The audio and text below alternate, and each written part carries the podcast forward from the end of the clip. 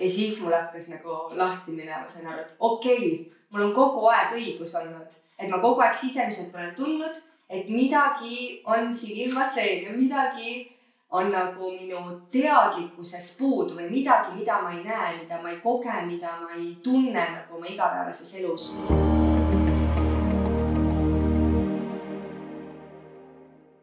tere tulemast tagasi kuulama järgmist Ruupori saadet, mul on väga hea meel, mul siiralt on, sest äh, meie tänaseks külaliseks on väga põnev inimene.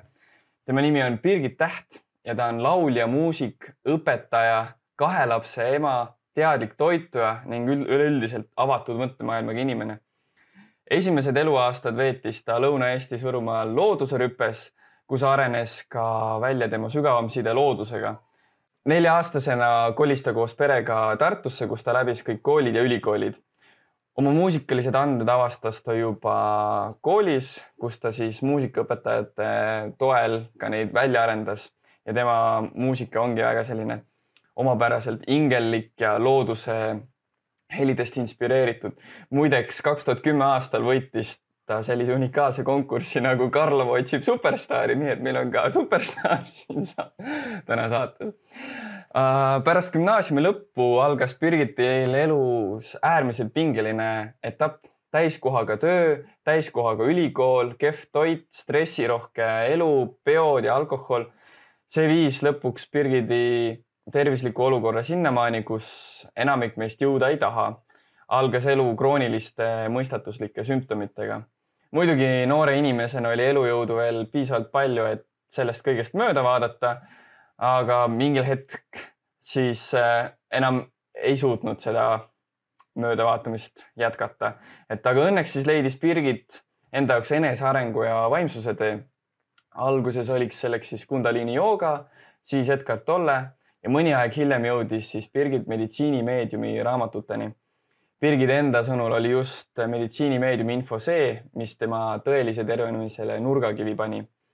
tänaseks on Birgit täiesti teine inimene, elujõud on tagasi, suur osa sümptomeid on seljatatud ning elu on võtnud täiesti uue raja. isiklikust tervenemisloost on Birgitil välja kasvanud ka soov seda infot teistega jagada, anda teistele oma panus siis äh, et ne, aidata neid nende tervenemisteekonnal, et sellest ajendatuna on Birgit ellu kutsunud või ellu kutsumas sellist projekti nagu Linnulaine. sellest ka täna natuke lähemalt räägime, äh, kuid lühidalt, et Linnulaine eesmärgiks on transformeerida meelelahutusäri meelerahupaigaks läbi rohelise hariduse, muusika ja kunsti, kasutades selleks tervendavaid sagedusi ning sõna äh, ning sõna mõtestust levimuusika produktsioonis Birgiti teekonnast, raskustest ja rõõmudest täna tervenemisest ning Linnulaine projektist me täna räägimegi. aitäh sulle, Birgit, et sa kutse vastu võtsid ja tere tulemast saatesse. tere, ilus, aitäh, Erki oh,. ilus, aitäh. enne, kusjuures, kui sa tegelikult äh, tõsiselt haigeks jäid elasid sa ju täiesti tavalist äh, noore inimese elu, et siuksed peod, alkohol, ebaregulaarne uni, kehvad toitumisharjumused, noh, suudan ise ka sellega suhestuda, täitsa oli ka minu eelnev elu. aga mis oli sul seal pöördepunktiks just selles elus, et miks siis see kõik muutuma hakkas mm.?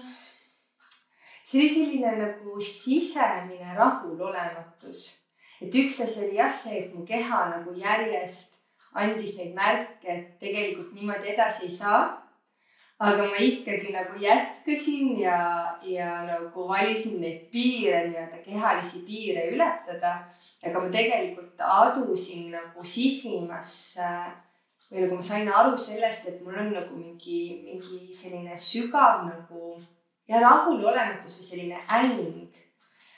ja, ja noh, tollel hetkel ma, kui ma nüüd nagu tagantjärgi mõtlen, et ma elasin nagu pealtnäha sellist noh, ideaalset elu selles mõttes, et mu elu on praegu tegelikult väga sarnane sellele, mis oli äh,. aga lihtsalt nagu mingid äh, sellised äh, väga olulised nüansid, mis tegelikult on äh, on nagu inimese terviklik olemise nagu baas, nurgakivi, nii nagu sa ütlesid, on ju, et see oli puudu tegelikult. ja sellepärast see kõik muu nagu laperdas täiega, et ise või noh, laperdas.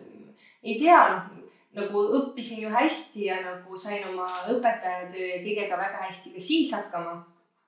Äh, aga ma mäletan, et mul, meil tekkis ühel hetkel äh, siis tol ajal oli see mu peigmees, aga nüüd minu abikaasa mees tekkis nagu see soov saada laps. ja ma sain aru sellest, et kui ma niiviisi jätkan vaid see nagu mingi sisemine, et mul oli see nagu äng või mingi koht, et, et ma, ma ei saa niimoodi edasi minna, et nagu sellisel kujul ma ei ole võimeline nagu emaks saama. ja, ja siis äh, siis ühel hetkel oligi jah see, et ma sain aru, et ma pean mingi täiesti nagu kardinaalselt midagi nagu muutma.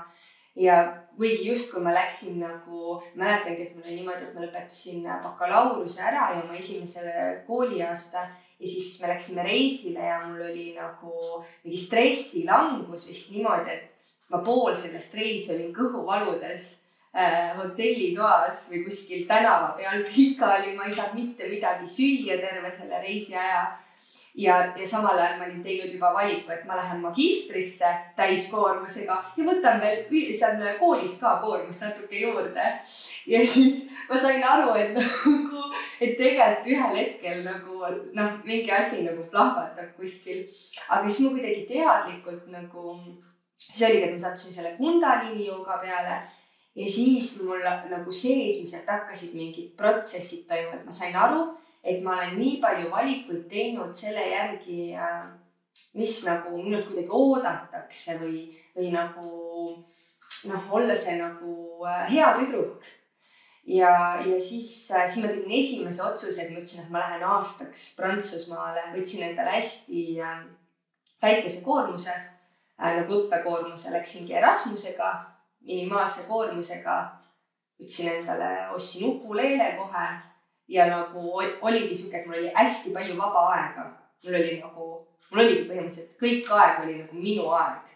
et mul olid küll mingid ülikooli asjad, aga üldiselt oli niimoodi, et nagu. ja siis ma hakkasin selle ängiga tegelema, noh selle sisemise rahulolematusega. et noh, siis oli ka see, et mul tuli see Eckart Tolle sinna juurde ja siis mul hakkas nagu lahti minema, sain aru, et okei okay,, mul on kogu aeg õigus olnud, et ma kogu aeg sisemiselt olen tundnud et midagi on siin ilmas veel ja midagi on nagu minu teadlikkuses puudu või midagi, mida ma ei näe, mida ma ei koge, mida ma ei tunne nagu oma igapäevases elus. Uh,. jah. Vastas see su küsimusele. Jah, jah, jah, et seal oli mit, nii-öelda mitu sügavamat põhjust, mis siis kokku tegi sellise pöördepunkti, et tuli võtta see otsus äh, lõpuks äh, vastu. Äh, kusjuures me oleme Birgidiga muidu head sõbrad ka ja me oleme telefonivestluse, telefonivestluseid pidanud ja siis ühes äh, vestluses sa jagasid ühe märgilise mõtte minuga, et see, kuidas me suhtume oma kehadesse, see on ka see, kuidas me suhtume oma planeeti ja see pani nagu mind täiega mõtlema, et jaa, ongi nii, need inimesed, kes nagu mõtlevad terviklike eluviiside enda keha suhtes, need üldiselt jõuavad ka sinna, et kuidas nagu paremini looduse eest hoida, et miks sa arvad, mis ajendab oma inimesi siis äh, oma kehadesse nii hoolimatult suhtuma? et äh, miks sa seda ise tegid näiteks mm,? no see on seesama vice versa tegelikult, sellepärast et puudub äh, ühendus või on kaotatud ühendus loodusega, et me oleme kaotanud äh, looduse ja kontakti ja sellise nagu terviklikkuse tunde äh, enda sees ja tegelikult äh, ka nagu loodusega. et äh, meil on noh, praegu ju ikkagi enamik elust on kolinud linnadesse ja meil küll Eestis, noh, meil on ikkagi nagu väga vedanud, et meil on alles see selline nagu ikkagi ürgsem võib-olla loodustunnetus, sellepärast et üldse mitte kaua aega tagasi, noh, me siiamaani käime metsas ja korjame seedi ja käime marjul ja nagu sellist traditsiooni väga vähestes kultuurides on alles et aga kui me võtamegi näiteks noh, ma ei tea, kasvõi Prantsusmaal on ikkagi nagu juba ju sajandeid selline linnakultuur olnud. Nad nagu seal, seal on inimesed, kes ei ole nagu, ma ei tea, metsa või nagu loodusesse aastakümneid sattunud, sest nende nagu noh, toim, toimimisala ongi nagu linnaruumis, kus on betoon ja, ja asfalt maas ja nagu noh, see nende jaoks ongi see nii võõras ja nagu mõistetamatu mingis mõttes. et noh, see ongi selline nagu vastastikune suhe tegelikult et, et me oleme kaotanud selle nagu kontakti, no hästi tugevalt ongi see toimunud ju nagu industrialiseerimisajast saadik on ju, mis on no ütleme seal enne ja pärast teist maailmasõda on see nagu ju noh, tohutult nagu muutunud meie maailm, et meil ongi nagu ehitatud mingisugune konstruktsioon sellest, mis elu võiks olla, mis on nagu asjade ümber koondunud äh, või asjadest lähtub hästi palju mateeriast, on ju. ja sealt on nagu noh, see loodusaspekt lihtsalt välja võetud ja see on nagu, see on välja võetud pühadest tekstidest, väga paljudest pühadest tekstidest. Äh, see on äh, välja võetud nagu kogu kultuuriruumis tegelikult. ja noh, see on kurb. aga selles mõttes, et, et mulle tundub, et me oleme praegu nagu nii lahku läinud kuidagi või nagu olemegi nii äh, lahus sellest loodusest. aga sa käisid äh Erasmusega Prantsusmaal, kas siis tõesti prantslastel ei olnud sellist traditsiooni, et nad käivad nagu mingi nädalavahetusel või pühade ajal metsas või noh, ma ei, seal ikka Lõuna-Prantsusmaal on ju päris suuri metsamassiive, et kas siis tõesti seda metsa minekut kui sellist või rap, noh, rappa minek on eestlastel, aga ei olnud sellist asja siis või? no ma ei saa niimoodi öelda, ma olin ka muidugi nagu lõuna pool, pigem olin Lyonis Äh, et, äh, et Pariisis on kindlasti see kultuur hoopis teistsugune, et äh, hästi linnakeskne. Lyonis, noh, mul oli ka see, et ma sattusin kohe kokku selliste äh, nagu sarnaselt mõtlevate inimestega, kohe sellise joogakultuuriga ja, ja, ja sellise teadlikkuse, mm, no inimestega, kes endaga teadlikult tegelevad. Et siis äh, neil oli ikkagi väga tugevalt selline nagu loodus äh, äh, lähedane nagu mõtteviis kuidagi ja seal oli see, et noh, meil oli ka nagu seal selle sõprade pundi sees oli päris palju selliseid kultuuri erinevusi, et mu väga hea üks sõber oli näiteks Kanadast pärit on ju ja üks oli Belgiast pärit. ja ma olen aasta elanud Šveitsis ka ja seal näiteks oli küll nagu äh, hästi tugev või ka väga tugev selline side ikkagi loodusega. Et äh, nädalavahetused olidki need ajad, kui sa perega käisid mägedes kas matkamas või suusatamas.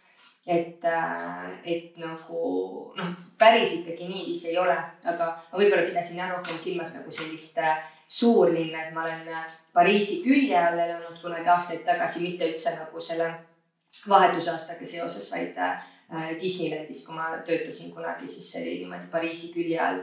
et siis ma sattusin Pariisi päris palju. Äh, ja, ja siis nagu seal kuidagi oli ikkagi hästi selline nagu, et see kõik oli nagu sihuke linna, hästi linnakultuur nagu. et sinna, seal küll nagu ruumi väga ei olnud sellisele aga mis sa ise arvad, miks sul endal oli nii-öelda varasem ühendus siis nii-öelda loodusega selline tiineka eas siis sihuke nagu poolik, et ühelt poolt sa ju mm, muusika oli selline nojah, muusika ilmselt sellise loodusliku muusika leidsid alles siis pärast seda nii-öelda teekonnale ajamist, aga, aga esimesed eluaastad veetsid sa ikkagi ju looduse keskel, et mis siis nagu vahepeal juhtub, et see ühendus kaob? mis sina ise arvad? no see ongi see keskkond tegelikult, et mul oli suurepärane keskkond esimesed neli eluaastat. noh, oligi täiesti ideaalne selles mõttes, et me elasimegi maal, meil oli küll nagu äh, noh, oli see ikkagi, tollel hetkel ju Eesti sai vabaks on ju, kõigil oli väga keeruline aeg, et vanemad tegelikult kogu nende power läkski sinna, et kuidagi nagu materiaalselt äh, elu kindlustada, on ju. et aga mulle hästi vedas, kuna ma olingi, ma kasvasin, kasvasin väga paljus, paljuski siis nagu vanaema vanaisaga üles, meil oli mingi pereäri Äh, po-, poed olid äh, seal mingi neli-viis poodi ümber kaudsetes külades ja isegi üks baar, ma mäletan, et mu viie aasta sünnipäev oli baaris. Ja siis vist oligi pärast viiendat eluaastat, siis oli see, et siis hakkas kõik kokku äh, äh, lagunema, sellepärast et inimesed hakkasid linnadesse minema ja siis me järjest panime need poed kinni ja tegelikult siis oligi see, et äh, tulime nagu linna elama äh,. et aga ma arvan, et seesama nagu elukeskkond tegelikult äh, on see, mis määrab väga paljuski selle nagu, kui tugev see ühendus äh, saab olla. et, ähm, et selles mõttes nagu lapsevanematel on hästi suur nagu roll sellise tervikliku ja nagu tasakaalustatud keskkonna loomises.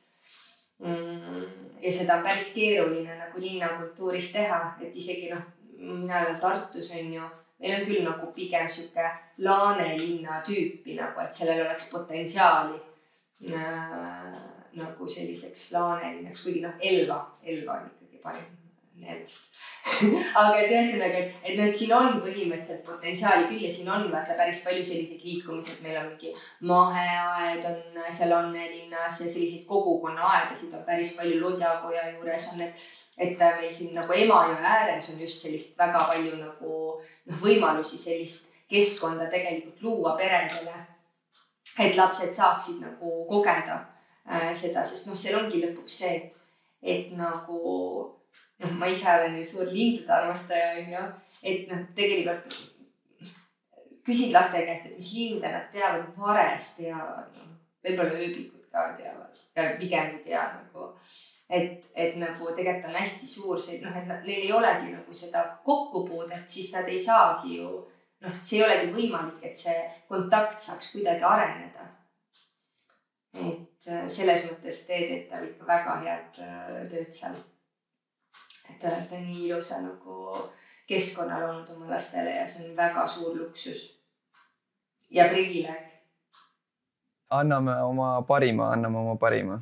me oleme se seda ka nagu avastanud, et keskkond, üks osa on see, et vanaemad võivad nagu isegi luua midagi, aga et ongi, et siis tekivad mingid sugulased, vanavanemad, sõbrad, naabrid, siis sealt edasi on ju mingid äh, küla ja linna ja alevi inimesed, et, et lõpuks ikkagi me jõuame sinna, et kogu, no vähemasti siis võib-olla esimesed seitse eluaastat, et kogu küla kasvatab last, et va, isegi kahest inimesest nagu ei piisa, et seda keskkonda luua, et see ongi sihuke, vajab nagu suuremat äh, mõttelaadi muutust rohkemates inimestes, aga ma tean väga positiivseid näiteid. näiteks äh, Sänna kultuurimõisa näitel, et nemad just hakkasidki seda kasvatama, nemad olid need esimesed kaks mm -hmm. ja tänu mhm. koolile hakkasid sinna tulema juurde veel siukseid peresid ja nüüd ongi nagu täitsa minu jaoks väga maagiline keskkond nagu täitsa ulme, mis seal toimub. sa oled käinud äh, seal? ja olen käinud ja, ja ma olen. äge kui tahaks minna, noh jah, kui tahaks oma lapsi kuskile kooli panna, siis tahaks sinna mm. -hmm. järgmine küsimus on see, et kui sa enesearenguga hakkasid tegelema, Edgar Tolle leidsid enda jaoks ja Kundaliini jooga, et äh, sealt nendes praktikates ju tuleb see nii-öelda kehasse suhtumine täitsa nagu selgelt välja, terves kehas terve vaim ja kõik siuksed teemad. Äh, milline äh, nagu kuhu need sind hakkasid viima või kuidas need kõige rohkem sind mõjutasid, mis need Edgar Tolle sellised nii-öelda mõttemustrid, kes temaga ei ole tuttavad, et mis, mis sulle sealt külge haakusid või siis Kundalini joogast, et mis konkreetselt hmm.? Uh, no Edgar Tolle, pole ammu teda lugenud ega kuulanud, aga mul on meeles nagu mingi sihuke koht, et ma lugen, see oligi üsna alguses, kui oligi see, et minu nagu mõtted ei ole mina. ja minu tunded ei ole tegelikult mina. ja, ja nagu noh, ta seletab seda nagu kuidagi hullult hästi või niimoodi, et nagu, et sul tekib mingi sihuke oot-oot-oot-oot-oot-oot, ma pean nüüd maha istuma ja nagu mõtlema, et nii oot-oot, mis ja, ja, ja nagu ma mäletan seda, et see nagu noh, et see toobki selle nagu teadlikkuse, et sa hakkaksid teadlikult nagu oma sisemaailma märkama üldse. sest enne seda nagu noh, ega praegu ka tegelikult ma näen, mul on nii palju siukseid autopiloote onju, mida, või noh, mida ma nagu ei teadvustagi väga. aga järjest rohkem nagu noh, mida teadlikumaks sa saad, on ju, seda teadlikumaks sa saad oma sisemaailmast ja seda nagu lihtsam, lihtsamaks muutub see nagu muutuse tegemine kui sa oled teadlik sellest, mis sul nagu sees toimub, ja, ja nagu just see mingi sisekõne ja nagu tunnete, tunnetega nagu kontakti saamine. et mis mu sees tegelikult on, millised tunded mu sees üldse on ja kui palju tegelikult ma nagu ei luba endal tunda mingisuguseid tundeid või nagu panen need kuidagi mingite, ma lükkan nagu alla või kuidagi nagu ei luba enda sellel nagu valukehal kuidagi nagu päriselt pinnale tulla ja, ja, ja nagu see noh, pidev vajadus, sest ta väljendub sellise nagu ärevusena on ju tihtipeale. et sul tuleb mingi asi, hakkab ketrama, on ju, tuleb mingi asi, mingi ärevus. see võib ka mõnikord olla loomeenergia täiesti vabalt, aga see ongi see loomeenergia, mis mõnikord on nagu mingi asja all, on ju. Et noh, see kundaliini energia saaks sul käia korralikult läbi, on ju. noh, sul on vaja see kanal puhtana hoida, aga kui sa oled sinna mingi tohutult mingeid tundeid nagu lükanud ja lükkad veel kogu aeg edasi, siis ta ei saagi nagu see puhas essents või see puhas nagu tunne, olemise tunne, olemise rõõm ei saagi nagu kuidagi välja tulla. ja, ja siis tegelikult oligi see, et ma noh, et ma hakkasin lihtsalt nagu hakkasingi jälgima, noh sellest hakkasin, hakkan jälgima. Et nagu noh, mille peale ma närvi lähen, mille peale ma ärritun. nagu kui ma olen siis sellel hetkel, kui ma olengi närvis või ärritunud, et nagu, mis tegelikult toimub, et mis siis on sellest praegu, et ma ei tea, keegi ütles mulle midagi, mis tegelikult on nagu suht tühine, aga minu jaoks nagu sellel hetkel kuidagi nagu väga noh, põlema panev, onju. et mis, mis siis on sellest ja, ja mis see nagu noh, mis selle, mis selle all siis on või mis selle põhja, põhjas on.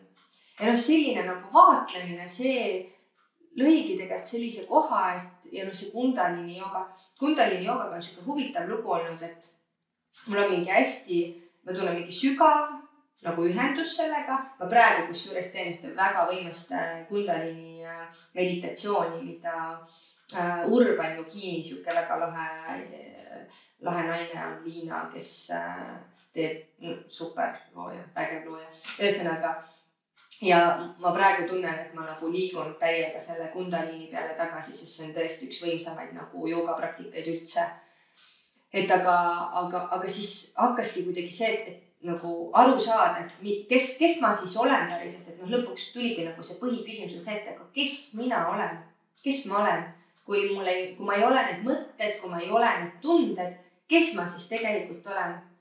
ja noh, siis oligi see, et ühel hetkel mul oli lihtsalt selline nagu jumalik kogemus, mida ei oskagi kirjeldada, on ju, sellest äh, väga paljud äh, inimesed nagu räägivad, et on see mingi üks kogemus, on ju, või on neid mitu. aga tihti see ongi mingi selline noh, nagu mingi sügav ekstaas, kus nagu noh, mina kogesingi seda niimoodi, et mul ei olnud mõttegi, sest ma polnud kaks päeva, ma ei mõelnud mitte midagi. täiesti tühi, täiesti tühjus ja võtad elu vastu niimoodi. Sul praegu nii ilusasti see, ma ei tea, kas sul mingi päike särab või valgus nii, nii ilus, täiesti lõpp. ühesõnaga jah, sihuke lihtsalt olemise õndsus ja noh, see on see, mida me tegelikult, see ongi see äng tegelikult on ju, mis nagu meil ütleb, et midagi on veel, midagi on veel ja kui ma selle maitse sain, no siis läks kõik nagu noh, siis muutus kõik. et, äh, et aga noh, see on ikkagi teekond selles mõttes, et nüüd ka ju kogu aeg kõik muutub, on ju. Äh, et aga noh, sellele järgnes siis sihuke hingepime öö ja kõik jutud, aga, aga ühesõnaga, et see jah, nagu oli sihuke mingi aasta-pooleteise nagu protsess, kus ma siis nagu järjest sain aru, et nii midagi on, ma hakkasin lugema, ma hakkasin praktiseerima, vaatama, mis nagu, mis on ja noh, see on äh, äh, kestev. see äh, Edgar Tolle mm, Eesti va vaste võib olla natukene, mitte, mitte, ma ei taha kellelegi liiga teha, kes on nagu, aga tundub see Ingvar Villitoo ja teadliku muutuse kunst, et natukene ka sihuke emotsioonide ja mõtete teadvustamine ja sealt tema raamatus see emot-, emotsioon äh, või emotsioonid vist oli mitmuses äh,, oli see üks niisugune harjutus, et istu oma ruumis ja lihtsalt kuulan mingeid helisid, no ma istusin siis seal elutoas, kuulsin äh, külmkapi surinat mingi surr ja siis mõtlesin, aga ma ju ei mõtle selle peale, aga ometi ma nagu kogen või tajun seda heli. ja siis mõtlesingi, et oota, aga kes see siis seda kuuleb, ma ei mõtelnud, et no külmkapp nüüd suriseb, vaid keegi seal nagu selle mõtete veel taga. siis ma olin mingi oh,, et muidugi ma teadsin seda, et ma olen hingestatud olend ja nagu teoreetiliselt, aga ühel hetkel, kui sa saadki jälle siukse nagu mingi punktid ühenduvad, siis sa oled jälle mingi, aga ongi nii, vaata, see on nagu kogemus, mida sa ei saa ära võtta. aga ma olen näinud ka sõprade ja tuttavate ja, ja veel kaugemate ringide pealt, et, et see mingi üks kogemus või sihuke isiklik hästi tugev kogemus peab olema, enne kui sa hakkad nagu uskuma mm, piirialadest väljapoole, et kes kasutavad selleks abivahendeid, millesse võib-olla peaks detailsemalt minema, millesse ma paljusid ei soovitaks, aga kes nagu lihtsalt tulevad läbi meditatsiooni ja läbi niisuguse vaimse ja hingelise töö, vot see on nagu imekspandav. et lihtsalt otsustad, et hakkan nüüd iga päev mediteerima ja siis ühel hetkel, ma ei tea, oled aasta aega mediteerinud, juba oled mingi pettunud kõiges ja siis järsku tuleb see nagu siis, see on nii imetlusväärne, et olen ka selliseid lugusid kuulnud et see on väga põnev, et see ühesõnaga seda kogemust on vaja selleks, et hakata nagu elama sellise nagu noh, ma ei tea, spektrist, noh, et su teadvustaju läheb nii palju suuremaks, et kuidas see maailm, mis siin maailmas üldse on, onju. aga tagasi sinu juurde, et kui, kui kaua su elu sümptomitega enne kestis, enne kui sa siis hakkasid noh, et kui kaua see periood oli, see peiteperiood või see kannatuste periood, enne kui sa hakkasid nagu tõsiseid muutusi ette võtma hmm.? no nagu teadvustatud äh, kannatuste periood, ma arvan, oligi selline. vaata, praegu ma olen kolmkümmend. arvan, ma võisin olla mingi kakskümmend üks. jah, sinnakanti, ütleme kakskümmend üks, siis nagu ma hakkasin märkama see oligi see, et noh, ma läksin paari suhtesse, mul oli sihuke esimene nagu tõsine või noh, varasemalt, no ühesõnaga esimene sihuke tõsine, kus ma tundsingi, et noh, et see on nagu commitment. ja siis seal hakkasid noh, mingid asjad nagu üles tulema. noh, et kus esimene aasta aega armastust, armumist on äh, möödas, on ju, armumise aeg on möödas, et siis äh, hakkab, hakkab tulema igast kulda äh, ja siis, siis, siis oligi, arvan, et siis ma hakkasin nagu teadvustama et okei okay,, et äh, mul on nagu mingid reaktsioonid äh,. Need meenutavad mulle hästi palju äh, seda, mis ma olen kaasa võtnud oma siis koduseinte vahelt.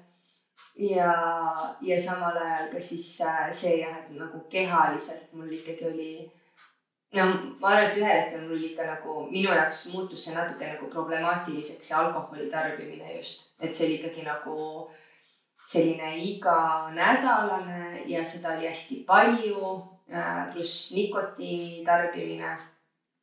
Äh, ja mul oli nagu kogu aeg see tunne, et ma olen, noh, siis ma juba, kui ma hakkasingi nagu õpetama, et noh, see on sellist vastutuse teema, vaata, et sa tunned, et sul on nagu mingi vastutus, et ma ju näitan mingit teatavat eeskuju. ja, ja siis issand, mul praegu tuli üks, üks hästi valus koht nagu meelde, et kui oligi ma käisin peol, see oli aastavahetus küll, ma olin hästi, no ikka mudasegi põhimõtteliselt, olin linnas. ma nägin oma õpilasi. Äh, ja siis, äh, ja siis üks õpilane, kes ei olnud minu õpilane, vaid tema sõbranna. me kohtusime nagu seal siis kohvikus seal järjekorras ja siis ta ütles mulle, et noh, õpetaja Birgit, te olite küll vist päris purjus. ja siis, ja siis mul oli kuidagi, mul oli nagu piinlik. mul oli nagu piinlik ja ma mõtlesin, et no et ühest küljest ma olen noor inimene, ma olin kakskümmend üks või kakskümmend kaks tollel hetkel, ma alustasin kakskümmend üks ikka, noh, ma olen jumala noor, on ju, et nagu pff, muidugi on ju, et see on nagu normaalne on ju, et ma nagu noh, aga, aga lihtsalt mul see sisetunne nagu, et tegelikult see ei ole normaalne. et nagu miks ma lähen sinna et miks, miks see nagu vajadus on? mingit tühimikke täita või mingi sihukest jah ja,, seal on erinevaid. jah, aga see selles võib-olla seda, sellest teemast on ähm, ka teised rohkem rääkinud, jõuame täna võib-olla kõige mm, põnevama teemani, et kuidas sa avastasid enda jaoks meditsiinimeediumi raamatud, minu arust see avastamislugu on nagu kõige, kõige ägedam, et kuidas sa avastasid enda jaoks? Mu ema tõi mulle, kinkis selle raamatu. kas? mu ema kinkis mulle mm. -hmm. ja kas su ema ise oli eelnevalt neid lugenud või, või kuidas tema nagu teadis need sulle tuua või? Ähm, tal oli ka vist kuidagi mingi sõbranna kaudu ja siis tal tekkis ka nagu hästi suur äratundmine. ja ilmselt oligi see, et äh, see oli, mul oli Linda juba sündinud ja Linda oli äkki mingi poolteist või midagi sellist ja mul oli nagu selline päris korralik sünnitusjärgne depressioon olnud ja ma hakkasin just nagu välja tulema sellest. ja siis äh, mul ema ütles, et ma lugesin ja et ma mõtlesin su peale, et ma tundsin, et see võib sa nagu, et see võib sind aidata, onju. ja, ja siis ma mäletan, et mul oli alguses hästi suur vastumeelsus. et äh, ma nagu lugesin ja siis mul oli mis asja.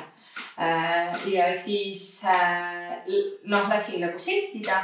ma arvan, mingi kuu-kaks ei puutunud siis rohkem seda raamatut ja siis hakkasin uuesti ja võtsin kohe Äh, selle selleri mahla ette ja tegin kohe kolmekümne päevase puhastuse. Äh, ja siis äh, jah, Linda oli, no kaks ütleme jah, ühesõnaga, et siis ma nagu täiega pühendusin kuidagi ja siis hakkasin järjest nagu, järjest kuidagi rohkem sinna sisse minema. ja siis on olnud selliseid perioode, kus ma olen nagu täiega lahti lasknud, et pole nagu üldse ja siis olen noh, siis nagu kogu aeg ringiga tagasi ja nüüd olen nagu täiega, täiega sees ja nii lahe on räägid võib-olla kõige ägedamast mingitest võitudest, et mis äh, sellega seoses on äh, sul osaks saanud mm? -hmm. No esimene kõige suurem ongi siis, kui ma äh, olin oma sellest äh, sünnitusjärgsest depressioonist välja tulnud just, noh, enam-vähem niimoodi mm,. ja siis äh, oli niimoodi, et ma lõpetasin linna andmise ära äh,, kui äh, mul esimene tütar oli siis äkki mingi poolteist. ja, aga mul ei tulnud äh, päevad tagasi ja, ja Äh, see oli nagu mingi sihuke nagu koht, kus ma nägin, et okei okay,, siin on nagu midagi on balansist väljas ja mul oli see, et noh, nagu kogu see aeg kui selline oli ka nagu, ma olin hästi palju alla võtnud ja, ja selline nagu äh, noh, et ilmselt olidki nagu mingid, mingid asjad olid nii balansist väljas. ja siis äh, järgmine hetk oligi see, et me tegelikult soovisime nagu mehega teist last aga noh, kuna mul ei olnud nagu regulaarseid päevi mm,. oligi, et vist korra tulid ja siis kadusid ära täiesti äh,. et siis äh, see taastas mu äh, päevad kõigepealt, see oli esimene, kui ma esimese puhastuse lõpetasin, siis ma, oli paar kuud vahet. ma tegin uue ja siis äh, jäin rasedaks äh,. Et nagu noh, praegu tegelikult see nagu viljastumise teema on täiega teema, rasestumise teema on täiega teema, sellepärast et meie kehad on toksiine täis, kuna meie elukeskkond on lihtsalt selline ja nagu äh, noh, ma olen ise täiega seda usku, et, äh, et see saab päriselt ka nagu aidata äh,, aidata nagu sel-, selliste probleemide korral äh,. et need on nagu mingi noh, mega, mega võidud ja, ja praegu ikkagi ka on viimase aastaga on see, et mul ikkagi oli päris tugev nagu pärast teist sünnitust oli ka mm,, oli selline ärevus ikkagi. Äh, et äh, praegu nagu ei tea. ärevus on kadunud? ei kohta väga jah. aga on sul mõnd-, mõningaid sümptomeid veel alles sellest kahekümne ühe aastase Birgiti omast? Äh,. nii ja naa, see oleneb nüüd sellest, et kui tähele, tähelepanelik ma tegelikult olen oma toidulaua suhtes. et äh, kui mul on äh,, noh, ei olnud üldse, ma arvan, mingi paar kuud tagasi mul oli sihuke periood, kus ma ka nagu olin mingi okei okay,, täiega söön rasvasid ja nagu ei noh, nagu lihtsalt oli niimoodi. ja tegelikult mul oli ikkagi nagu energiatase oli ikkagi kordades väiksem noh, et nagu ma lihtsalt tunnen, et ma olen nagu palju väsinum ja ei ole siuksest, siukest nagu erksust ja siis teine asi, noh, mis mul nagu viskab, on, on sellised nagu seedimisprobleemid. et mul läheb nagu kõht kuidagi nagu paiste või see bloating, ma ei teagi, mis see on, see mhm. sihuke puhitus või mingi asi nagu. aga kui ma nagu tegelen sellega selles mõttes, et olen nagu tervise tähele, tähelepanelik ja nagu järgin ikkagi äh,, järgin ikkagi nagu oma või järgin nii-öelda seda nagu protokolli äh,. aga samal ajal nagu ka nagu jälgin oma keha, onju. et äh, mis ta nagu vajab parasjagu, siis tegelikult need nagu ühtivad suht palju. et äh, mul üks äh,, üks hästi lahe naine on äh, vana kooliõde kes just kirjutas äh, Äh, seda, et ta võttis mingi siukse moto endale, ta on ka meditsiinimeediumiga kokku puutunud või noh, nagu meditsiinimeediumi äh, peal olnud. et äh, tal on siuke moto, et ta kõigepealt toidab oma keha. et see nagu, et kõikide sihuke väärtusliku toiduga nii-öelda teeb endale mahla ja joob ilusti seda sidrunivett ja, ja sellist nagu värske smuuti on ju.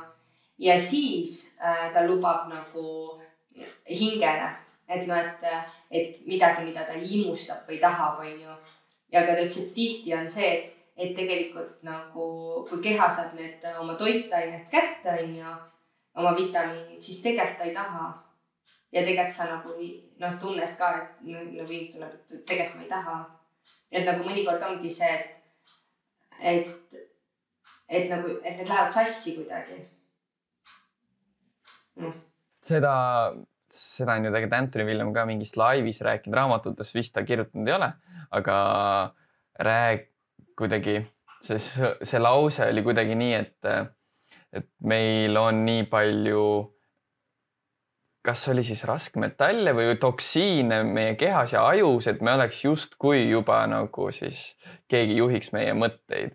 et see ongi seesama see point, et kas see, kes tahtis seda äh, juustuvõileiba, juustugrill võileiba koos munaga või millegiga, et kas see olid sina, kas olid mingid äh, bakterid, kas need olid mingid viirused, kas need olid mingi kombinatsioon nendest, kas on lihtsalt mingi ajulühis, et sa tegelikult ju ei tea seda ja siis ongi, et puhastus ära, ei ole neid isusid ja mõtlesid, et oota, kas ikka mu hing oli see, kes seda tahtis või oli miskit muud, et, et siin paljud nagu kardavad ja teevad mingeid hullu negatiivseid ennustusi, et aa, varsti noh, et sa ei suuda juba ise enam mõelda, siis juba vaata tänast olukorda, et kui paljud ongi, et kes suudavad täiesti nagu ise mõelda, noh vihjates siis Edgar Tollele ja teadlik muutuse kunst ja et tegelikult me oleme juba täna juba seal olukorras, kus sihukest isemõtlemist on nagu vähem ja hästi suur põhjus, ma arvan, ongi see, mida meditsiinimeediumi inimesed, kes nüüd siis seda infot kuulavad ja loevad, saavad aru, et seal on füüsilised taustmustrid nii tugevad.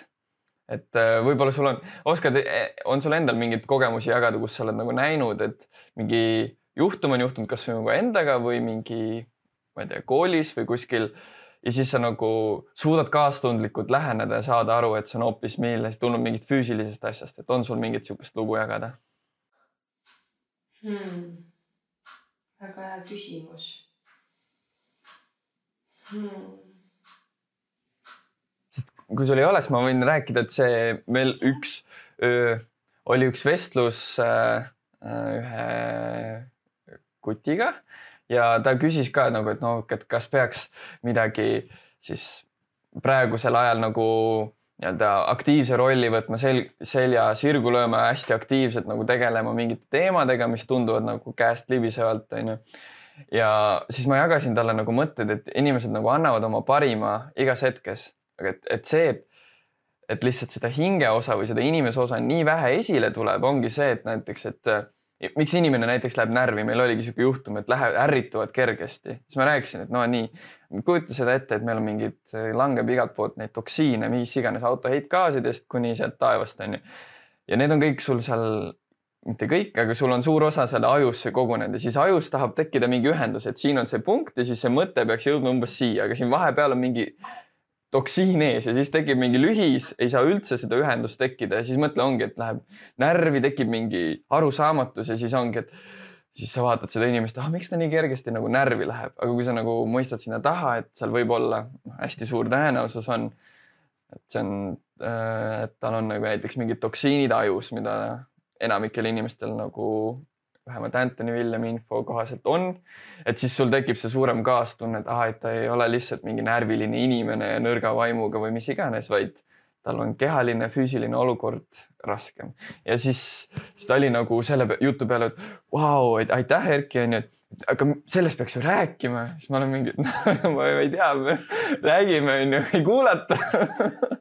Et äh, jah, et sihuke, sihuke kogemus on olnud aga võib-olla sul, et kuidas äh, su pereelu on selle uue olukorraga kogunenud, noh, see ei ole enam niivõrd uus, aga kuidas mees, lapsed, sugulased sinu siis muutusesse, eelkõige toitumisalasesse suhtuvad või? no keeruline on see, endiselt see teema on suht õrn.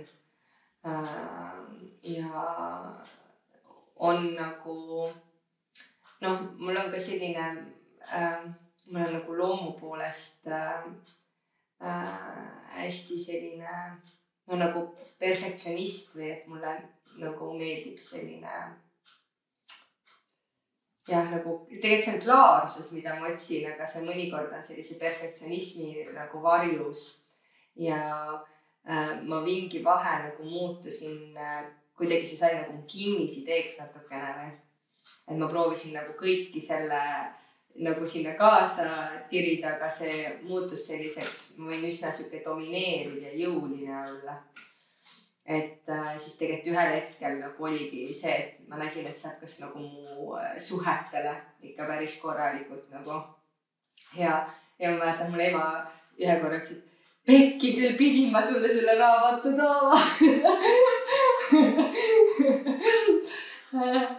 aga selles mõttes, et noh, need on ka nagu õppimiskohad on, et, et, et seal on ju nagu äh, noh, praegu on nagu kuidagi niiviisi, et, et mina teen nagu oma värki ja, ja siis mul äh, nagu pere sööb, no mingi vahe oligi, meil oli kuidagi nagu, me kuidagi ei söönud koos ja see nagu noh, läkski kuidagi, et ja mul mees ei tahtnud üldse neid, sest ma olen ju põhimõtteliselt soola kõik ära kaotanud ja mul on nagu noh, mulle räigelt meeldib näiteks, ma ei tea, suvikõrvitsat aurutatult süüa, nagu see on mu üks lemmiksööke ja nagu noh, mu mees ei võta elu sees sihukest asja nagu. ja siis ühesõnaga tekkiski nagu see, et ma ei teadnud enam, mida süüa teha, et ma justkui nagu tegin mingeid asju, mis ei olnud nagu nii meditsiinimeedium, aga ikkagi ma ju tean, vaata, mis on nagu nii-öelda eh, tervendavad toidud ja mis ei ole. Ja siis ma proovin nagu neid üldse mitte teha või sisse võtta, aga need ikka kuidagi tulevad, ikka kuskil pool on nad sees. Ja siis äh, ühesõnaga sellega on nagu päris palju sellist lahtilaskmist olnud ikka ja nagu laste suhtes ka kuidagi, et noh, ma näen seda, et, äh, et kui äh, nagu me lastega nagu toitume siis meditsiinimeediumi järgi on ju, et siis kõik tujud on paremad äh,, seedimised on paremad, kõik asjad on ju. ja, aga samal ajal ongi see, et äh, noh, meil on niimoodi, et Linda on suhteliselt nagu noh, tema sööb nagu kõike, aga Hugo on ikka sihuke meditsiinimeediumi beebi.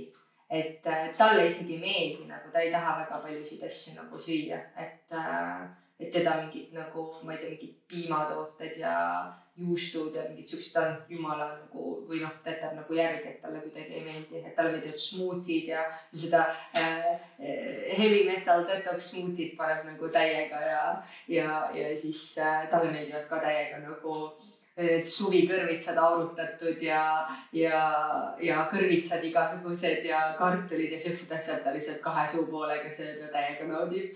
et, äh, et ma olen jah, nagu sellest saanud aru, et ma saan nagu seda kontrollida ikkagi äh, peaasjalikult seda, mida ma ise äh, nagu sisse toon ja teen siis nagu võimalikult palju teadlikke valikuid aga samal ajal nagu annan ruumi ja luban nagu teistel teha oma valikuid, et mitte nagu mingi, et sa pead seda tegema ja noh, mul mingid nagu sellised reeglid ikkagi on. Äh,. aga no näiteks käisin, eelmine nädal käisin äh,, Linda ütles, et ta tahab muna. Ja siis me käisime, ostsime ähm, vabapeetavate kanade muna. Ta sõi nädal aega järjest põhimõtteliselt muna. Ja siis ma mõtlesin, et okei okay,, et nagu noh, on nii. Nagu, et see on tema valik. Hugo absoluutselt ei puutunud, talle ei maitsenud, aga Linda oli täiega mul oli nagu, et okei okay,, siis on nii. et selles mõttes nagu noh, seal ongi vaata need piirid on nagu õhkõnnad ikkagi. et, et see teema on hästi delikaatne, selles mõttes toitumise teema on nagu nii õrn teema, et see ei peaks olema selles mõttes, et noh, siin ongi noh, kui me vaatame kasvõi nagu koolisüsteemi on ju, siis siiamaani on needsamad plakatid seinte peal, mis olid kakskümmend aastat tagasi, kuigi meil on nagu tohku ja nagu tõendeid ja teadust selle kohta, et piim sellise, selline nagu ta praegu on ja piimatooted nagu nad praegu on et ei tule nagu, see ei ole see, et, et tädi Maali lüpsab, on ju, ja siis nagu vanaema teeb sul nagu ise võid see ei ole see. noh, see ei ole see, on ju, et, et seal ongi see, et seal on ju need antibiootikumid ja, ja nagu tohutud selliseid äh, palju on väetised ja kõik asjad, mis nagu hakkavad seda piima kvaliteeti, kvaliteediga mängima, pluss see nagu tööstuslik, et see on tööstuslik ja see ei ole nagu, see ei ole loomulik mitte kuidagi, et selles on tegelikult probleem. minu meelest otseselt ei olegi nagu probleem piimatoodetes kui sellistes aga ongi probleem selles, et millised need piimatooted tegelikult on. ja, ja, ja nagu noh, see ongi nagu, et tegelikult, tegelikult me peaksime rääkima sellest, et need ongi nagu hästi õrnad teemad. see noh, sest need lähevad inimeste egode pihta, on ju, sul on nagu mingid toidud ju, mis on olnud nagu mingi lapsepõlvest saati ja nagu noh, kui vaatame jõululaudagi on ju, et see on nii traditsiooniline ja, aga samal ajal see traditsioon on täiega ära nagu noh, ta ei ole enam see, mis ta oli. et, äh, et meil ongi selline tegelikult, äh, me oleme väga huvitaval ajastul, sellepärast et me loome mingit täiesti uut pidude traditsiooni samamoodi. ja, ja noh, siin nagu see äh, jah, ma näen nagu, et, et, et saab palju tööd teha ja palju teadlikkust tuua on, kusjuures see piimatoodete koha peal oli küll, et äh, mäletan, see hakkas juba tulema, kui ma gümnaasiumis oli mingid äh,, et juba tavateadus ka nagu räägib äh, piimatoodete nii-öelda äh, mittekasulikkusest inimkehale, et see ei ole nagu mingi noh, et ei olegi enam mingi nagu täitsa mingi uhuu asi, vaid on täiesti nagu mainstream'is, aga nüüd ongi lihtsalt see, et see on nagu mulle südamelähedaseks saanud, ma ei taha sellest loobuda, onju. arusaadav on ju, kõik on okei okay,, aga lihtsalt, et äh, vähemalt leiaks selle nagu konsensuse mingites faktides nagu, et mis, mis, mida teeb. et äh, meditsiinimeedium ka täpselt samamoodi ju jagab seda, jagab mingeid asju ja kui sa täna oled seal, kus sa oled, on ju, söödki oma, ma ei tea, muna on ju, siis söö, aga siis vähemalt nagu tea, no see teadmine hakkab muidugi siin pikas perspektiivis muutma, aga et, et me jõuaks nagu selle baasasjadeni, mis, mida nagu äh, teevad. Et see jõuame tagasi jälle sinna lõpuks sinna teadliku muutuse kunsti ja või sinna Edgar Tolleni ja keskkonnani. et äh, Linda oli sul ju siis kandsid teda, kui sa toitusid traditsiooniliselt, ilmselt siis sealt sai ka teada.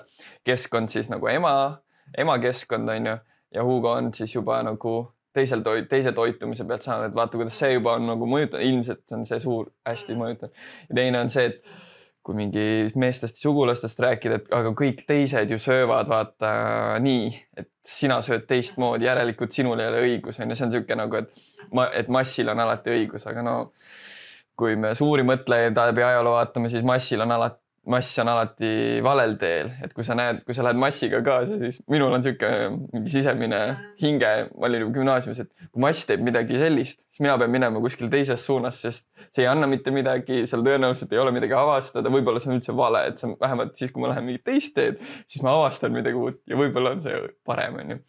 et äh, palju selliseid, noh, asju, mis takistavad, mis on traditsioonide kohta ka, et äh, permakultuuris, siis aianduses küsitakse, et, et see ei ole meie kohalik taim.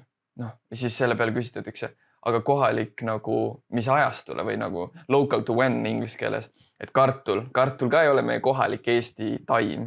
kartul toodi Ameerikast mingi üheksateist sajand, et noh, me lõpuks jõuamegi sinna, et kõik kogu aeg liigubki, kõik muutuvad, et toitumisega samamoodi, et see ei ole meie traditsiooniline toit, onju, aga traditsiooniline mis ajastul onju, et, et mine mingi võib-olla tuhat, ma ei tea, viissada aastat tagasi võib-olla siis ei olnud üldse piima onju, äkki olidki ainult juurikad ja liha onju näiteks, ma ei tea, ma ei ole, ma ei ole kindel, aga et jah Äh, kusjuures äh, tahaks rääkida sellest äh, sinu huvitavast projektist, mis võib-olla seda kõike nagu aitaks nagu õigesse suunda nihutada, et räägime natuke linnulainest. et mis see projekt endast kujutab ja mis on selle siis nagu lähimad ja kaugemad eesmärgid hmm.? ja uh,, linnulaine ah sul on linnuke, vaata seal, linnuke seal selja taga ka teadlikult pandud ja siis ukuleele ka. no ma ei, ma ei tea, mulle tundub, et see elu on ikka nagu nii intelligentne, et ta alati loob nagu kõige paremal, lihtsamal ja kergemal viisil ja kui me laseks nagu selle nagu laseks lahti korra, siis nagu muutuks elu palju nauditavamaks et äh, jah, ja mul on linnukene siin taga, ma olen äh, oma laulupesa õppepesakeses äh,. aga linnulaine ja äh, sa väga ilusti defineerisid selle ära, et, äh, et mis see linnulaine siis on äh,. et kui teda panna mingisse raami, siis ta ongi rohelise muusika, kunsti ja hariduse liikumine, mille eesmärgiks äh, on siis transformeerida meelelahutustööstus meelerahu paigaks. ja, ja see juhtub või toimub siis läbi sellise indiviidi äh, tasandi. aga läbi siis sellise uue ka nagu biokultuuri loomise tegelikult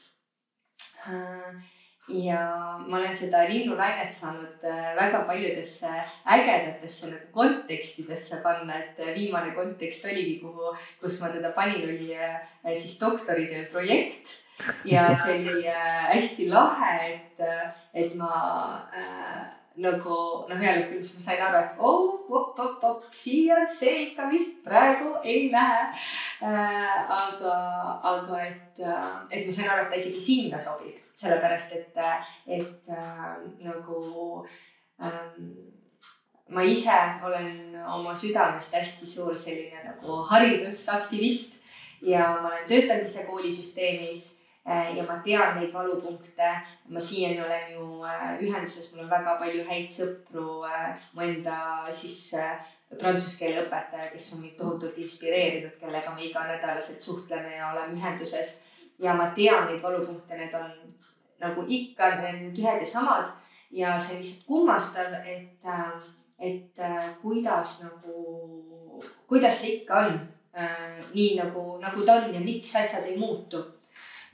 Ja samal ajal siis mul on sinna kõrvale tekkinud selline äh, nii-öelda äh, sellised vabaõppe liikumised, noh, Sänna on ju üks väga hea näide sellest, kuidas on võimalik tegelikult õppida, on ju. Ja sealt äh, selle Sännaga on ka väga tihedalt teeb äh, koostööd MTÜ Vabadus õppida, äh, mille liige ma olen, kus siis propageeritaksegi demokraatlikku haridust, mis põhinebki sellel, et iga indiviid mm,, tal on nagu oma siis selline äh, viis, kuidas ta õpib kõige paremini ja tegelikult seda ka ülikoolis äh, ma mäletan, et ma õppisin, et ongi inimestel on erinevad siis sellised nagu õpioskused äh,. mitte õpioskused, sellel, sellel on väga konkreetne termin, mul praegu ei tule see meelde, aga ühesõnaga, et sul on nagu äh, erinevad viisid, kuidas sa õpid kõige paremini. osadel on läbi kuulmise, osadel on läbi visuaali, osadel on läbi mingisuguse käelise tegevuse äh,, osadel on läbi liikumise, noh et, et sul on nagu hästi palju erinevaid tegelikult viise, kuidas äh, kuidas see õppimine kõige paremini toimub. ometi me ikkagi istume selles, seal laua taga, on ju. Äh, keegi peab sulle seda äh, loengut, on ju, ja siis äh,, ja siis sul on tunnid hommikust, noh, gümnaasiumis on ju praegu samamoodi, rääkisin aega, hommikust õhtuni tunnid. Lähed koju, võib-olla saad trennis käia, aga kui käid trennis ära, tuled koju tagasi, hakkad õppima ja tegelikult koolides on nagu praegu ikkagi täiesti vaimse tervise kriis ja on ka emotsionaalse tervise kriis. ja, ja nagu see on, minu meelest see on ka nagu üleüldine tervisekriis ja see ongi see, et kehad on viidud nii stressiseisundisse, et sul ei olegi võimalik toimida. see ei olegi võimalik lihtsalt mitte kuidagi. aga nüüd ongi see, et noh, seda haridussüsteemi, no see on mingi suur monstrum on ju, sa ei saa seda nagu muuta niimoodi ja siis ma olen mõtisklenud selle üle aastaid nüüd siis juba see linnulaine on ju mingi viis aastat ennast niimoodi loonud onju, et, et, et aga kuidas siis on ju, et kuidas ikkagi nagu jõuda sinnani? Ja äh, ja mul on tunne, et seda saabki teha läbi pidustuste kultuuri loomise, et äh, sellise läbi pidustuse, rohelise pidustuse kultuuri äh, tuua see otse nagu haridusse niiviisi, et see on Äh, me saame kasutada ju oma suurepäraseid tehnoloogilisi vahendeid. Ähm, et on selline äpp. Äh, no ta võib ka kanal olla lihtsalt ütleme, kanal, äh, mis siis annabki noortele ja lastele ja emadele samamoodi, emadele, kes tegelikult oma nagu lapsi kasvatavad kodudes ja teevad ränka tööd äh,. annab sellise nagu ähm, äh, sisendi mida ma nimetan Võlumetsa kooliks. Äh, ja sellele sisendile on äh, Erki ja Pilleri ka juba andnud oma esimese panuse. Äh, mis siis nagu käsitlebki inimest tervikuna ja pakub selliseid keha, vaimu ja hinge toetavaid praktikaid ja teadmisi, mida siis need noored ja lapsed ise saavad edasi arendada ja see nagu Võlumetsa kool on üles ehitatud äh, kaheteistkümnel kategoorial, äh, elukategoorial. Äh, see põhineb siis Mindvalley Lifebooki kontseptsioonil. väga põnev, soovitan uurida. ja seal siis ongi nagu elu sellise tervikuna, et noh, praegu on ka koolisüsteem valmistab sind ette põhimõtteliselt, et no teed karjääri ja saad raha, on ju. noh, põhimõtteliselt kaks kategooriat, aga kus on äh, nagu kehaline terv-, keha, kehahoid, kus on vaimuhoid, kus on hingehoid äh,, kus on spirituaalsus äh,, kus on karakter, inimese karakter, kuidas ta seda päriselt luua saab ja muuta. Äh,. suhted äh, partneriga, meil on üle viiekümne protsendi abieludest lahutatakse seda esimest, laste esimese kolme eluaasta jooksul, meil on statistika olemas, on ju endiselt haridus ei tule järgi sellele. Äh, meil on noh, suhted lähedastega on ju, suhted lastega, siis on tõesti karjäär, raha väga oluline, aga siis elukvaliteet üleüldiselt ja eluvisioon. nagu miks ma olen siin, miks ma teen seda, mida ma teen. nii et need väga tähtsad küsimused jäävad koolis küsimata ja vastamata ja see ei ole õpetajate süü, sest õpetajad ongi täiesti ülekoormatud. Neil on äh, vaja mingeid dokumente kogu aeg täita ja mingitele täiesti keegi kuskil ütleb, et peab mingid õpioskused ja õpiväljundid ja kirjuta ja muuda neid kogu aeg, et see on absurd, noh, see ei toimi enam. okei okay,, ma lähen põlema aga ühesõnaga siis seal tulebki, mis siis selle Võlumetsa kooli väljund lõpuks on, on linnulaine. Ja linnulaine kui selline äh, on siis äh, siin tuleb nüüd see väga huvitav aspekt mängu, et äh, tuleb muusika äh,. nimelt äh, meil on siis viimase kahekümne aasta jooksul tulnud välja väga põhjalikud uuringud, teadus, teaduslikud uuringud äh, mis on ikkagi tehtud seal sada, sada viiskümmend inimest ja pluss seda sa saad nimetada nagu mingiks dataks, mille põhjal sa saad teha reaalseid järeldusi Äh, kus on siis uuritud äh, helisagedusi ja seda, kuidas need helisagedused mõjutavad äh, sinu keha otseselt ja hormoone. ja praegune hetk, see on siis pärast teist maailmasõda, umbes veel pärast esimest, ma ei ole kindel ütleme see, no ühesõnaga sealkandis kolmekümnendad, siis ta oli ikkagi äh, esimese maailmasõja järg, järgi. lepiti kokku, et äh, me kuulame äh, muusikat või produtseerime muusikat ja mängime muusikat ähm, siis ähm, äh, sagedusel, kus A-noot on äh, seadistatud nelisada nelikümmend sagedusele okei okay., no ühesõnaga, et A-noot. A, no ma ütlen praegu, mul ei ole absoluutselt kuulmist, aga ühesõnaga A, et see, selle järgi, see on A-noot meil ja selle järgi ehitub siis üles nagu äh, kogu siis äh, pilli nagu häälestus. ja äh, sellest on rääkinud Tõnu Kallaste, see oligi see, et Tõnu Kallaste, et ma kuulsin seda, see on äh, Viljandi äh, Viljandis Kultuuriakadeemias äh, peaks ta olema äh, muusikatehnoloogia õppejõud. Ja tema äh,, tal on täitsa nagu oma teooria selle kohta, tal on seal natukene ka sellist äh, võib-olla äh, kuidas öeldakse seda äh,. noh, ma ei saa öelda, see. no las ta olla, ühesõnaga, et sellist teooriat, mis võib-olla nagu ei pruugi olla äh, päris see, et seal võib olla natuke vandenõuteooria vot nüüd tuli see meelde, vandenõuteooria äh,. et selle kohta on öeldud internetis, ma olen lugenud päris palju ja uurinud selle kohta. Aga mingi, mingi tõepõhi seal võib olla, aga tema igal juhul räägib sellest äh,. soovitan kuulata ööülikooli äh, loengut.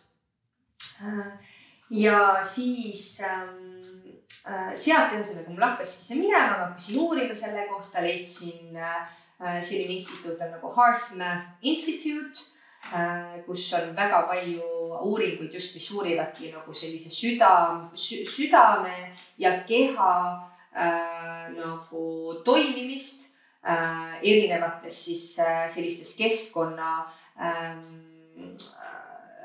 tingimustes ja helidega äh, on hästi palju nagu uuringuid tehtud äh,. ja ühesõnaga meil on üks teine äh, sagedus ka või A-häälestus siis nelisada kolmkümmend kaks äh, mille kohta on ka öeldud, et aa, et see on mingi vandenõuteooria ja see ei ole tõde. aga tegelikult on teaduslikud uuringud selle kohta olemas, et äh, kui häälestada, see on nõk, nõks madalam, kui ma enne ütlesin mingi aa, siis ta on nagu aa, hästi natukene madalam äh,. Äh, siis äh, see esimese ühe minuti jooksul hakkab kehas äh, vähendama kortisooli ja tõstma oksidatsiini ja, ja nagu noh, ma selles mõttes, et Youtube'is. noh, see on täpselt see koht, kus sa oled halleluuja, sest see on nagu.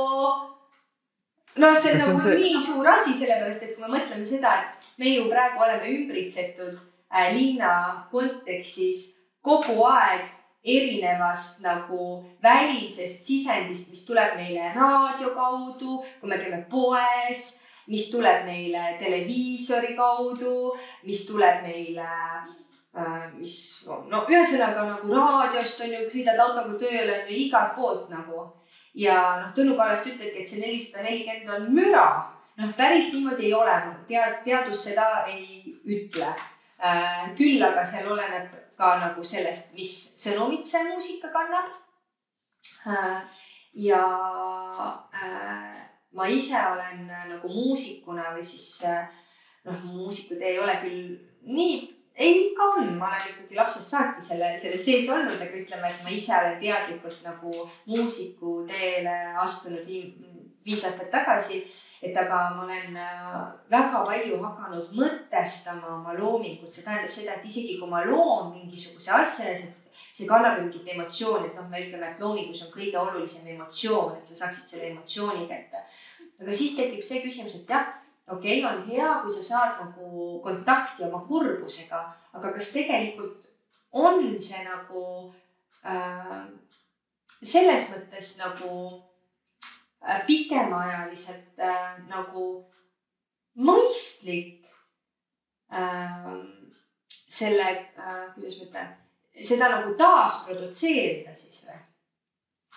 et noh, kui me, ma praegu, ma ei kuula raadiot üldiselt, aga vahepeal ikka satun ja noh, ikkagi väga palju muusikat räägib kurvast armastusest ja sellest, kuidas sa ei anna mulle seda, mida ma vajan ja ja nagu sa jätad mind maha ja miks sa mulle ei helista ja, ja, ja nagu selline ikkagi noh, nagu mingi narratiiv mis ma tunnen, et äh, nagu kollektiiv ei toeta ja tegelikult noored ju kasvavad sellega ülesse ja nemad, nendel ongi ettekujutus, tegelikult nad programmeerivad endale läbi selle muusika, muusika oli selline, mis sa võtad nagu otse vastu. Nad programmeerivad endale sisse selle, et sul ei, terviseks et sa ei saagi, et ei olegi võimalik olla nagu õnnelikus armastuses või paari suhtes on ju ja et kogu aeg peab midagi halvasti olema ja, ja kogu aeg ikkagi sa vajad midagi ja, ja selline nagu puudusteadvus tegelikult, mis eh, selles mainstream muusikas, ma ei üldse ei ütle, et nagu kõik selles, selles on nagu ütleme nagu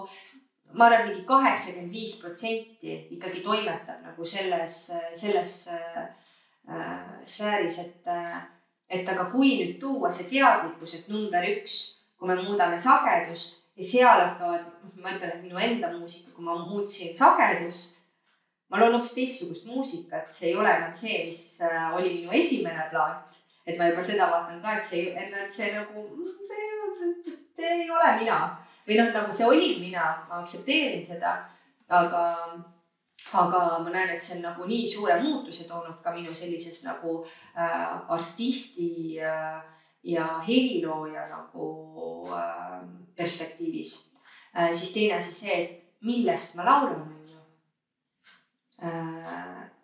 mil-, nagu, mis sõnumit see kannab äh,. kas see on midagi, mis väestab ja mis tõstab või vastupidi, see nagu paneb sind sulguma. ja ei toeta tegelikult seda, et sa saaksid luua teadlikku muutust. et noh, tegelikult me kõik, me tahame tegelikult muutuda, aga miks me siis ei saa ikkagi või mis see nagu ees on? ma näen, et muusikal on nii suur vägi seda, seda muutust ellu kutsuda ja no vot selle jaoks ongi Linnulaine loodud.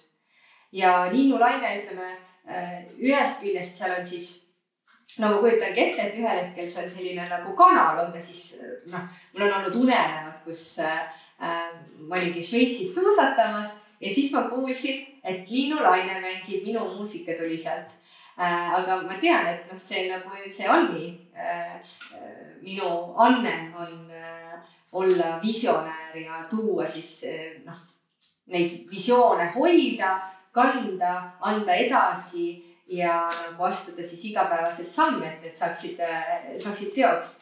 et, et ühesõnaga selline raadiokanal äh,, aga samal ajal ka nagu telekanal, et äh, mul on väga palju ideid, mis seal saaks olla. aga see esmajoones äh, tuleb ellu läbi sellise äh, siis äh, kontseptsiooni või esimene selline nagu ähm, äh, siis initsiatsioon mis seda linnuainet, linnulainet hakkab kandma, on muinaslugu muusikas. ja see on äh, siis äh, kogemuskontsert äh, salvestus äh,, mis äh, esimene nendest äh, tuleb ellu kahekümne teisel märtsil. ja äh, seal äh, toimub selline hästi kaunis äh, keele Äh, keele ja muusika ühildumine, keelte ja kultuuride. Äh, meil on eesti ja prantsuse keel, mis tulevad kokku ja äh, äh, siis see muusika, mis sellel õhtul kõlab äh,, on äh, kõigepealt siis linnulainel siis nelisada kolmkümmend kaks sageduses mõtestatud looming Äh, siis see kultuuride selline kokkupõime toimub läbi selle, et prantsuse lood on eestikeelseks tõlgitud, eestikeelsed lood prantsuskeelseks. Äh, ja, äh, ja ta, hästi palju on seal sellist nagu vana muusikat, mis on uueks loodud. vana muusika, mis on uueks loodud ja, ja, ja see on selline jah, nagu esimene initsiatsioon ma olen ise väga põlev, põnevil, sest see on kõik alles nagu äh, loomises ähm,. aga, aga ta on äh,, seal on väga põnev on see NFT mudel äh,. Äh, NFT on äh, non-fungible token äh, selle kohta oh,. see on väga-väga võimas äh, krüptomaailm äh,, mille kohta ma ise olen ka nagu, ma olen maitsnud seda aga mulle see kontseptsioon väga meeldib ja ma soovin seda nagu päris ellu tuua, et ühesõnaga igale muusikapalale, mis seal on, vastab üks kunstiteos. ja see on selline tõeline nagu koosloome tegelikult, et sinna kontserdile on väga vähe kohti, ta on eksklusiivne kontsert. aga, aga siis ta on ka nagu laivis ülekantav ja avatud nagu laiemale publikule ja see hakkab siis äh, tegelikult toetama sellise rohelise hariduse ellukutsumist ehk siis Võlumetsa kooli, seda, et me saaks seda üldse produtseerida äh,. et ta on hästi avatud äh, sellise mm, siis ärimudelina loodud ja see hakkab loomulikult ka ornitoloogiaühingut toetama, et, et me saaksime nagu teadlikkust tõsta selles alas, mis toimub tegelikult äh, lindudega, mis toimub metsadega, mis toimub selles elurikkuses. ja noh, äh, selles mõttes nagu tiivulised ei ole ainult linnud, et meil on ka putukad, kes on väga olulised. Ähm, et see on üks väga võimas selline, ma arvan, et see võib olla isegi täitsa nagu selle sajandi selline suur revolutsioon. mis saab, ma arvan, meie, meie mered päästa Äh, meie, ma nimetan seda geniaalseks kliimaneutraalsuseks. Äh, ja siis äh, loobki ennast ka selline muinasjutuline noorte ja laste poolt loodud Võlumetsa kool ja, ja siis nende looming, mis hakkab linnulaines elama. et selline tõeline unistus, mis, mis on ellu tulemas Vau, väga, väga suureks ja väga mitmekülgseks läinud unistus juba, et see on äh, väga, väga palju mõtteid tekitas endal ka. see van-, selle ühe vanaisa mõte, mis ütles, et asjad muutuvad generatsioonidega, et ongi, et kui me soovime nagu näha sellist hästi tasakaalukat maailma tulevikus, siis põhimõtteliselt need, kes täna on äh, piisava teadlikkuse juures, et seda nagu mõista ja luua, siis äh, omavanuseid või endast vanemaid on meil väga raske mm, heale teele. nagu kui võtta puu metafoor, siis vana, vana tamm on kasvanud, enam ei kanguta enam kuskile poole, aga noor, noor puu, sa saad isegi lausa ümber istutada või noh, et palju lihtsamini suunatav, et äh, jah, et noortele keskendudes on väga äge ja üldse selle muusika kaudu ja kõik see, ma täiega mm. kahe käega toetan seda. noored lapsed ja pered ja kogukonnad koos. no see Sänna on täpselt seesama nagu tõestus, et äh, sul on, okei okay, oled sihuke seitsmeteistaastane kuni kahekümne ühe aastane, nii, nüüd lähen muudan maailma, onju, lähen seal teen protesti ja astun MTÜ-desse ja siis saab mingi kakskümmend kolm, oleneb ka kakskümmend viis, kakskümmend kaheksa siis tuleb laps. ja põmm, sul see kõik on nagu, ehk siis kui me mõtleme nagu vist elukestvat sellist viisi, kuidas anda suurt mõjutust, siis ongi läbi laste, läbi koolihariduse, kõik see nagu päris elu sees peab olema see nagu ja see ongi selline nagu päris elu asi, et iseenesest äh, annaks küll oma lapsed nagu kuskile siuksesse Äh, laagri tüüpi kohta on ju, kuidas see linnulaine algselt ilmselt on ja siis ühel hetkel aina rohkem. ja, ja. nagu. linnulaine tuli tõesti linnulaagrina tuli ja oli sihuke esimene nagu päris selline füüsiline asi. anda just, just need äh, uued, äh, ma ei taha öelda nende kohta mingid uued õpetused, aga põhimõtteliselt, et meil on nagu see äh, haridus või see teadmiste jagamine on jäänud nii ajast maha, et siis äh, jõuaks nagu teistkaudu in inimesteni neid, selle info levitamisega. jah, aga tavaliselt äh, nii, me oleme jõudnud siin päris pikalt äh, jutustanud juba. Sul oleks võib-olla pidanud terve saate tegema linnulainest ja muusikast aga küsin lõpetuseks saatekülaselt sellise lõbusa avatud otsaga küsimuse et mis on sinu viimase aja äge taipamine või positiivne õnnestumine, mida sa tahaksid oma kuulajatega jagada mm.?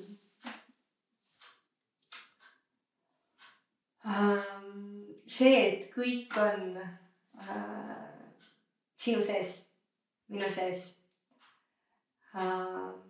kõik, mis ei meeldi, mis ärritab, kõik see on sinu sees ja kõik see, mida sa armastad, mida sa jumaldad, mis äh, toob sulle rõõmu, mis toob sulle kergust, see on ka sinu sees. ja äh, võib-olla keerulisem ongi seda esimest poolt vastu võtta, et see, mis ärritab ja see, mis äh, nagu toob pinnale selliseid negatiivseid emotsioone, et see on ka minu sees ähm,. et ähm, kui seda, seda ärrituspoolt ja seda negatiivset poolt hakata läbi arhetüüpide. Äh, üks väga lahe naine on ähm, ähm,, kohe tuleb ta nimi ma tean, et tema see nagu portaal on Sinine kookon. aga tema räägib seal Carl Jungi äh, arhetüüpidest, mis äh, nagu siis inimese alateadvuses on ja mis tema elu juhivad, et need äh, tihti nagu me mõtleme, et ah, need on mingid lapsepõlve asjad ja mingid traumad, mis meil on olnud.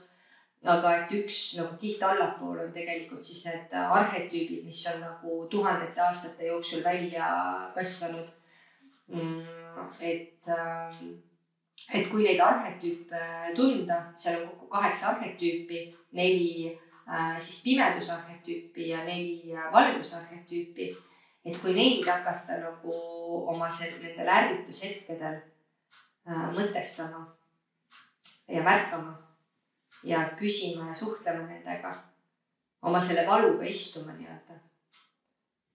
et siis äh, tulevad nagu mingid kalliskivid sealt välja ja see on äh, tõesti nagu mu enda teekond praegu, istuda oma valuga, kui mul on see valu.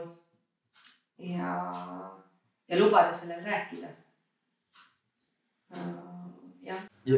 jah, ja sellel imelisel mõttel, sellel sissepoole, seestpoolt väljapoole mõttel äh, selle ägeda saate lõpetame.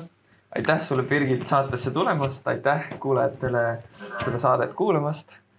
ja kohtume järgmine kord